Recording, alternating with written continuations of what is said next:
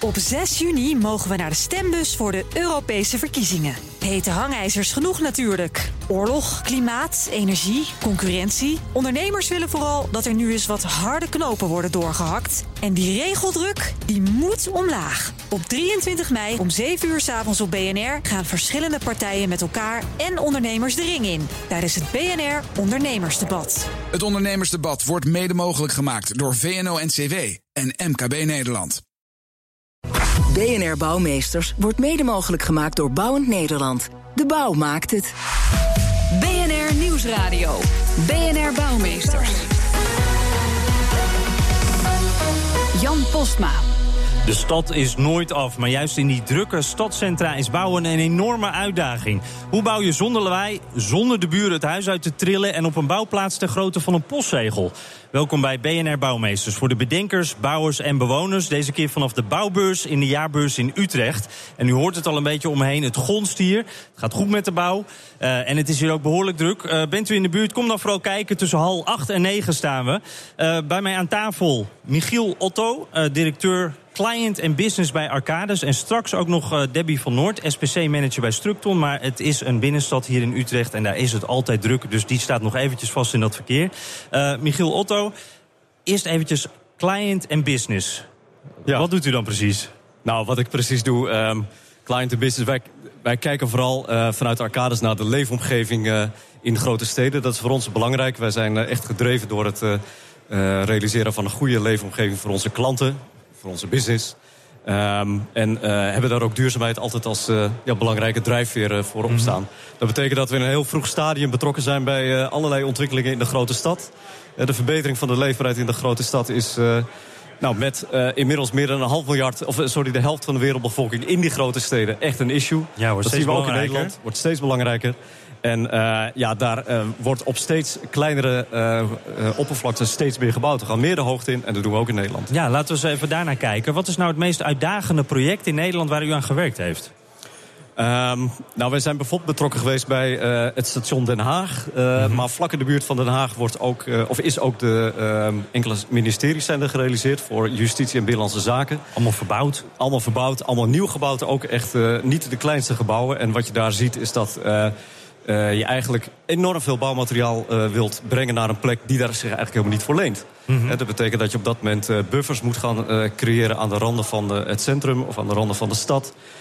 innovatieve ja, logistieke middelen moet toepassen om uiteindelijk dat proces daar op die plek te krijgen. Dus ja. het gaat om de bouwlogistiek, het gaat om het bouwproces op die postzegel zelf. Maar vooral ook, want dit is de harde kant van de bouw... het gaat ook om de zachte kant van de bouw de, uh, de veiligheid, de leefbaarheid. Uh, het uh, dienen van alle belangen van de omwonenden. Ja, want gaat dat wel eens enorm mis? Ik kan me voorstellen, enorme projecten, hele, hele grote belangen... dan vergeet je wel eens net even de buurman. Ja, je vergeet inderdaad wel eens de buurman. Maar um, wat we in Nederland wel steeds beter doen... is dat we van tevoren hele goede ja, zogenaamde stakeholder-analyses maken.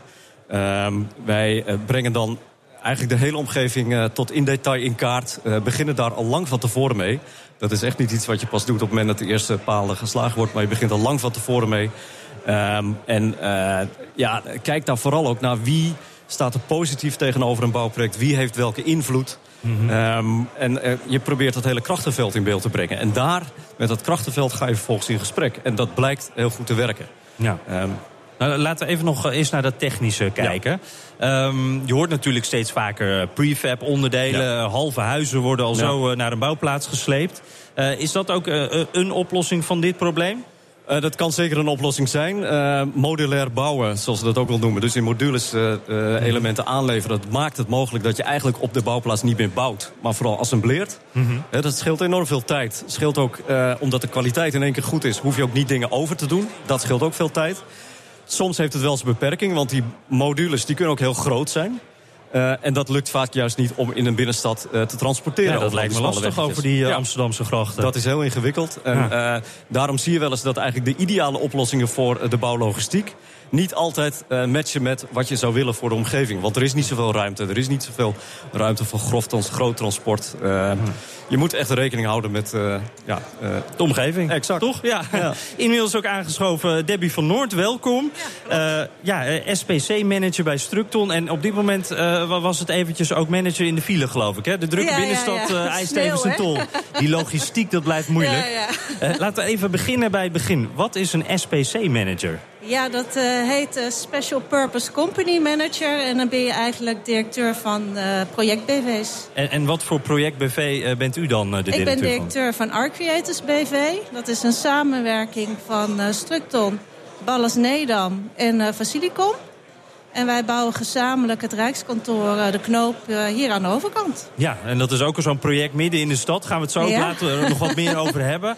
Uh, met alle uitdagingen van die natuurlijk. Eerst wil ik ook nog wel even van u weten. Uh, als het nou om projecten gaat in binnensteden... wat is nou de grootste uitdaging tot nu toe geweest? Wat, wat was nou het spannendste project? Nou, ik vind tot nu toe deze wel spannend. Ja. Ehm, waar loopt u dan tegenaan? Nou, dat je natuurlijk in een heel druk gebied zit, sowieso. Eh, je zit tegen het station aan. Maar je zit ook nog met allerlei conculega's uh, ook nog te bouwen. Dus het is en, en, en, en. Ja, en die conculega's, hoe, uh, hoe, wat maakt dat moeilijk? Het zijn toch allemaal bouwvakkers, die zijn allemaal met hetzelfde doel bezig, zou ja, ik zeggen? Ja, we zijn allemaal tegelijk bezig. Ja. Dus je hebt allemaal, wil je beschikbaarheid hebben van de ruimte... en wil je met je vrachtwagens erdoor... Dus dan moet je toch wel heel goed met elkaar afstemmen. En iedereen vindt zijn eigen onderdeeltje natuurlijk het belangrijkste. Ook dat. Ja, dat uh, kan ik me voorstellen. Ja. Uh, als we wat verder naar het logistiek deel kijken. Uh, Michiel Otto gaf net al een beetje een, een voorzetje. Dan moeten we misschien voor die binnensteden ook eens naar andere manieren kijken waarop we dat aangepakken. Gebeurt ook al, hè? eigenlijk de materialen op, op exact het juiste moment op die bouwplaats krijgen. Hoe, hoe gaat dat in zijn werk? Nou, dat betekent dat je vooral het voor- en natransport naar die bouwplaats heel uh, strak moet regelen. En dat uh, uh, aan de randen van de stad dus buffers moet creëren... waar je eigenlijk het grove werk opslaat. Waar je eigenlijk ook de, de personen naartoe laat gaan... die uiteindelijk weer naar de bouwplaats moeten. Dus je moet personen, mens materieel en materiaal moet je eigenlijk in dat, die laatste kilometer op een andere manier gaan transporteren dan via het grove transport zoals het uh, ja, ja. naar die buffers toe gaat. Uh, Debbie van Noord uh, klinkt. Voor mij is een bufferzone, dat klinkt dan nog behoorlijk abstract. Hoe ziet dat nou, er dan uit? Wij hebben geen bufferzone, wij doen JIT. JIT, nou, dat Just klinkt nog in steeds. Time. Just in time, oké, okay, ja, ja, ja. Ja, nee, wij plannen het echt dag op dag. Een week van tevoren wordt er echt een planning gemaakt met de leverancier op dag en op tijd. En uh, op die manier wordt dat gemanaged, zodat op het moment dat het aankomt... dat het eigenlijk direct uh, gemonteerd kan worden of uh, ingehezen kan worden. En ten aanzien van personeel heeft iedereen, dat is natuurlijk voordat je hier bouwt... het verzoek gekregen om met het openbaar vervoer te gaan. Mm -hmm. want we hebben maar plek voor iets van 15 auto's op de hele plek. Ja, en dan hoor je ook wel over bouwhubs. Is dit dan een soort bouwhub of is het dan weer net wat anders? Nee, dit is anders. Een bouwhub is dat je het uh, ergens anders opslaat... en dan mm -hmm. vervolgens naar de bouwplaats brengt. En dat is bij ons niet uh, van toepassing. Oké, okay, en maar dat just-in-time-principe wat jullie wel toepassen... Ja. Uh, dat, dat lijkt me ook wel een, een ingewikkeld systeem potentieel. Want als er één kink in de kabel is, dan ligt ja. het hele proces stil, toch? Nou, dat klopt. Dus uh, je hebt daar echt wel echt uh, logistieke high potentials daar uh, aan het managen. ja. High potentials aan het managen, ja. dat klinkt ingewikkeld. Ja. Nee, maar het zijn echt wel, weet je, het is niet een simpele uitvoerder. Het is wel echt iemand die daar continu mee... Daarom is het ook een week van tevoren echt een dagplanning met uh, leveranciers. En hoe verder we vorderen, hoe ingewikkelder het wordt. Want ja, straks gaan we naar de afbouw toe. Ja, wij, wij plannen dat nog wel veel langer uh, van tevoren. We maken, ja, dat noemen we dan logistieke uitvoeringsscenario's ervoor. Ja. Waarbij we al weken of maanden van tevoren tot in detail... eigenlijk de vertaalslag maken van het ontwerp wat er uiteindelijk gebouwd moet worden. Ook kijken in het ontwerp of je daarin kunt sturen... dat dingen ook in de logische volgorde zo gebouwd worden... dat het overlast uh, beperkt, dat de logistiek op orde is. En dat werk je uiteindelijk steeds verder in detail uit... tot op de dag van ja. het assembleren of het monteren of het, uh, het storten van beton, uh, af, ja. afhankelijk van wat er gebeurt. Ja, zo gaat het dus, bij ons ook. Ja. ja, ja en, en, dat doen logistieke experts doen dat. En dat zijn dus dan weer even niet de mensen die bij wijze van spreken... Uh, ja, normaal met de voeten, met de laarzen aan in de bouwplaats staan en met de helm op. Dat, wat voor types zijn dat dan wel? Is dat computerwerk? Daar zit veel computerwerk aan vast. Ja. We maken daar, uh, uh, ja, ook, uh, je hebt er logistieke recomodellen voor... waar risicoanalyses aan de grondslag liggen...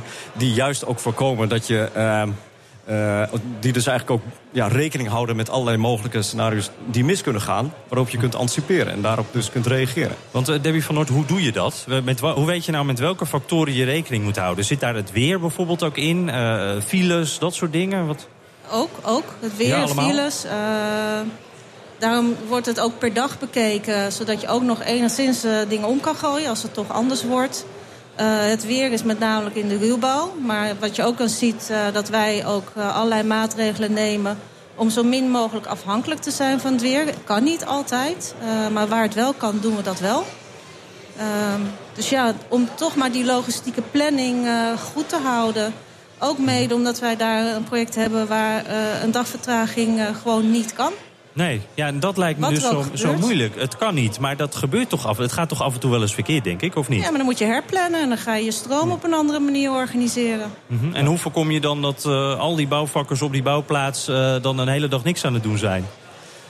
Er zijn situaties waarin je dat toch niet helemaal voorkomt. Maar kijk, je hebt natuurlijk uh, bouwvakkers die op zich niet altijd per se met één discipline bezig zijn... maar ook multi-inzetbaar zijn. Dus in die zin kun je dat wel met de, de, de, de dames en heren van de uitvoering... per dag wel weer herplannen. Ja. Uh, maar ja, uh, het kan inderdaad wel eens gebeuren dat het niet helemaal zo efficiënt verloopt... als je van tevoren bedacht had. Ja, maar dat, dat is het wel waard, omdat het gewoon zoveel ja. andere voordelen heeft. Ja, het heeft absoluut andere voordelen, ja. Uh, laatst nog even, Debbie van Noord. wordt hier in bouwopleidingen ook al rekening mee gehouden met deze functie? Lijkt me best ingewikkeld. Ik zou het niet weten eigenlijk. dan ben ik te lang voor niet meer in de opleiding. Nee, nee. Maar waar, waar halen jullie de, de, de experts vandaan? Ja, ik heb zelf de, de, zeg maar, de mensen niet aangenomen. Uh, maar wij, wij, letten daar wel, ja, er wordt wel op gelet. Uh, Want je ziet gewoon dat het wel steeds ingewikkelder wordt. Het, uh, zoals vroeger het heel simpel was en je liet een voorraad dingen aankomen... en dat zette je op de bouwplaats neer. Ja, dat kan niet met zo'n bouwplaats. Ja. Ja, daar gaan we zo nog even verder over praten. En ook het nadeel van zo'n stadscentrum, het zit vol met mensen. Hoe ga je als bouwer om met boze buren? Nieuwsradio. BNR Bouwmeesters. Ja, die logistieke uitdaging, dat is niet het enige wat eh, lastig is bij bouwen in de stad. Ook de omgeving kan een behoorlijke uitdaging zijn. Hoe houd je de buren tevreden en het milieu gewoon lekker groen? We zijn uh, ja, een beetje in onze natuurlijke habitat eigenlijk. Uh, vanaf de bouwbeurs in de jaarbeurs in Utrecht. En het is hier heel erg groot en het is hier ook heel erg druk. Uh, en ik hoor ook allemaal wel positieve verhalen dat het weer wel beter gaat met de bouw. Debbie van Noord, is dat ook iets wat u merkt? Dat het wel ja. weer een beetje beter gaat? Ja, zeker. Ja, bij Structon ook weer optimistisch? Ja, langzaamaan. Ja. Michiel Otto, is dat ook... Ja, we merken dat de capaciteit in de bouw ook weer krapper wordt. We merken dat de prijzen stijgen. We volgen die aanbestedingen nauwgezet. En uh, nee, het gaat echt uh, uh, beter. Je merkt een positieve vibe. Ja, en dat is hier dus ook. We zien veel lachende gezichten om ons heen, dus dat is altijd goed. Um, en u hoort ook het geroezemoes wat om ons heen. Dat is natuurlijk een prettig geluid. Daarmee horen we dat, het, dat we niet de enige zijn in deze enorme zaal. Maar geluid dat is bij bouwen in de stad natuurlijk juist een, een, een groot nadeel. Michiel Otto, hoe beperk je dat? Als ik in de binnenstad van Amsterdam of Utrecht aan het bouwen ben... Ja, er zijn verschillende uh, uh, dingen die geluid veroorzaken. Daar moet je ook goed naar kijken. Heien is altijd iets wat veel geluid veroorzaakt. En daar hebben we tegenwoordig natuurlijk fantastische technieken voor. Zoals het niet zozeer uh, heien door palen te slaan, maar ze te schroeven. Dat, ja, dat betekent dat je eigenlijk geen trillingen en geen geluid veroorzaakt. Maar wat je ook kunt doen is in de manier waarop je je ontwerp opzet. je kunt bepaalde kanten van een gebouw, een gevel bijvoorbeeld, als eerste optrekken. Waardoor je een natuurlijke buffer creëert. Uh, die uh, uh, zeg maar het geluid van de bouw afschermt voor omwonenden die daar direct naast wonen. Dus ja, ja. slim van tevoren nadenken over hoe je gaat bouwen. Dat is heel belangrijk. Ja, is dat iets wat jullie ook doen? Het, het, het, eigenlijk eh, verander je de volgorde dus een beetje. Je kijkt wat meer naar de omgeving. nou, we hebben niet de volgorde veranderd, maar we hebben wel de speciale methodieken als schroefpalen, de damwand er niet inslaan, maar erin drukken. Dat soort dingen hebben we wel uh, toegepast. En is dat nou ook uh, uh, qua prijs gelijk aan gewoon heien? Of is dat duurder of goedkoper? Het is altijd duurder, hè? Ja, is altijd duurder? ja. En is dat dan wel iets wat veel wordt toegepast? Of, want ik kan me voorstellen, prijs is toch ook altijd een belangrijk ding? Ja, maar binnenstedelijk zijn dat gewoon vaak eisen waar je gewoon aan moet voldoen. Ja, en wie stelt die eisen dan? Komt dat van de gemeente of de opdrachtgever? Wat... Mm, allebei vaak, ja. Sowieso, ja. de gemeente verzoekt dat ook vaak wel. Is dat, dat schroeven en die andere manieren van heien... zijn dat dingen die we dan ook nu steeds vaker zien? Ja, je ziet dat als het geëist wordt, is dat gewoon zeg maar common practice. Dat moet je gewoon doen. Zeker ook trillingsvrij bouwen in een uh, binnenstad... waar bijvoorbeeld ook allerlei uh, functies zijn die geen trilling kunnen verdragen. Denk bijvoorbeeld op universiteitsterreinen waar je... hoogwaardig onderzoek uitvoert, waar laboratoria zijn... waar je absoluut geen trillingen mag hebben. Ja, dan passen we allerlei van dit soort dingen toe. Kost meer, maar opdrachtgevers hebben daar dan vaak ook meer voor over. Weten dat van tevoren, dus mhm. anticiperen daarop. Ja, en is het wel eens voorgekomen dat echt de bouw even stil moest worden gelegd... vanwege zo'n laboratorium of een, een iets ja, anders in de Het komt natuurlijk wel eens voor dat je ook tijden hebt... waarbinnen je gewoon bepaalde bouwwerkzaamheden gewoon niet mag doen. Mm uh, met name dat zie je ook wel als je bijvoorbeeld naar scholen zit... en ze hebben examentijd, dan wordt er verzocht van... joh, wil je even in die en die periode niet heien, alsjeblieft. Ja, dat is elk jaar wel weer, weer een keer in het examenjournaal, ja, geloof ik. Hè? Want ze begonnen met heien net tijdens natuurkunde. Ja, ja, ja, uh, Michiel Otto, uh, die relatie met de omgeving die is ook heel belangrijk. De buurt moet je er een beetje bij hebben, denk ik. Hoe zorg je nou voor dat je de buurt ook meekrijgt? Nou, belangrijk is transparant te zijn naar de omgeving wat je doet. Laat ze vooral zien op die bouwplaats. Nodig ze af en toe uit naar die bouwplaats. Geef ook af en toe wat terug. Er zijn grote bouwprojecten waarvan delen op een gegeven moment al gereed zijn. Geef dat dan ook terug aan de omgeving, zodat ze dat weer kunnen gebruiken. Uh, dat helpt enorm. We noemen dat ook de kwaliteit in elke fase van die omgeving... Uh, van elke fase van het bouwproces garanderen. En organiseren af en toe misschien een buurtbarbecue... Uh, zorg ervoor dat je ja, laat zien wat je doet en echt wat teruggeeft aan die omgeving. Ja, want ik zou zeggen, als ik s'avonds uh, lig te trillen in mijn bed... of ik heb gewoon last van het geluid, dan helpt een buurtbarbecue nou niet zoveel. Maar dat is toch wel iets het zijn kleine dingen die helpen. Wat vooral belangrijk is, is dat je de voorspelbaarheid van wat je doet garandeert. Dus laat zien wat je doet. Betrek de mensen in de planning. Communiceer erover. Uh, dan kan het inderdaad zijn dat ze een, een, een nachtje, wij spreken, uh, slecht slapen. Maar ze weten dat het eraan komt. Ze kunnen zich daarop voorbereiden. En in het ergste geval ja, verplaatsen ook wel eens mensen voor een nacht uh, naar een uh, hotel of iets anders. Uh, omdat we weten dat we zoveel overlast gaan veroorzaken dat dat niet leefbaar is. Ja. Debbie van Noord, Structon is bezig met die, die oude kazerne, de Knoop, ja. hè, hier in de buurt. Er wordt ja. een reiskantoor midden in het centrum van Utrecht. Klopt. hebben jullie al een buurtbarbecue georganiseerd? Of wat doen jullie verder allemaal? Nou, niet een buurtbarbecue, want er wonen niet zo heel veel mensen. Er wonen wel een paar mensen. maar het is natuurlijk vooral ook kantoren eromheen. Uh, we hebben dat benoemd als onze belangrijkste stakeholders. Dus we hebben wel heel nauw contact uh, met Rabobank, uh, Beatrix Theater... en dan de Vereniging van Eigenaren zeg maar, van de bewoners aan de overkant. Maar wat we bijvoorbeeld wel hebben gedaan... toen hadden we heel veel stof gemaakt... en toen hebben we even voor iedereen de ramen laten lappen... Om dan op die manier toch te zeggen van, nou ja, sorry, maar we moesten toch even dit doen. En merk je dan inderdaad van zo'n actie dat dan de goodwill weer even terug is? Ja, maar wat, wat ook mijn, mijn, buurman net zei... het gaat er ook om dat je ze gewoon goed informeert... en dat ze weten wanneer uh, ze overlast kunnen hebben. Daar gaat het vooral om. En vaak is het maar een korte periode. Uh, want je probeert het zoveel mogelijk te beperken... maar soms uh, ontkom je het niet. En die informatie is eigenlijk het allerbelangrijkste en ze meenemen. Dus we zitten, maandelijks worden ze ook gewoon uitgenodigd om met ons in gesprek te gaan. Ze kunnen de bouwplaats zien mhm. en informeren wat de komende tijd uh, staat te gebeuren... en of ze daar overlast van hebben of niet. En ik kan me voorstellen, voor het Beatrix Theater uh, wordt er s'avonds uh, niet heel veel lawaai gemaakt. Nee, maar wij bouwen op dit moment nog niet s'avonds. Dus, oh, dus dat maakt ook eigenlijk helemaal niks uit. uit. nou, dat is ook weer makkelijk. En Michiel Otto, hoe ver ga je hierin als bouwer? Je moet ook een beetje op de centen letten natuurlijk. Ja, dat is absoluut het, het geval. Um, kijk, er zit een spanningsveld in al die maatregelen die je moet treffen om overlast te beperken. En inderdaad uh, dat de portemonnee op een gegeven moment ook eindig is. Dan is het wel zo in Nederland, wonen we nou eenmaal uh, dicht op elkaar. Wij mogen ook verwachten van uh, de burgers die in de omgeving van een bouwproject wonen... dat als je in een dichtbevolkt gebied als een stad woont... je af en toe ook gewoon overlast hebt. En dat we mhm. niet oneindig maatregelen kunnen treffen om overlast te beperken. Uh, we doen het wel zoveel mogelijk, maar ja, je probeert daar van tevoren... net als uh, wat ik net zei over die planning, over die bouwlogistiek... probeer je ook in de kosten al heel goed te kijken als je het ontwerp maakt... dat je uh, ervoor zorgt dat, um, ja, dat, dat, je kostenbesparende maatregelen al van tevoren bedenkt. En niet dat hoeft te bedenken op het moment dat je aan het bouwen bent... want dan is het extra duur. Dat is te laat ook natuurlijk. En, en wat ik ook een beetje hoor is dus... we moeten ook niet altijd te veel zeuren. Als je in de stad woont, dan kan je dit af en toe verwachten. Nou, ik wil niet zeggen dat mensen niet moeten zeuren. Ik denk dat op het moment dat je ze goed informeert, dan, uh, dan gaan ze niet zeuren. Um, uh, maar het is inderdaad wel zo dat als je in een dichtbevolkte stedelijke omgeving woont... ja, dan heb je nou eenmaal af en toe wat overlast. Dat hoort er nou eenmaal bij.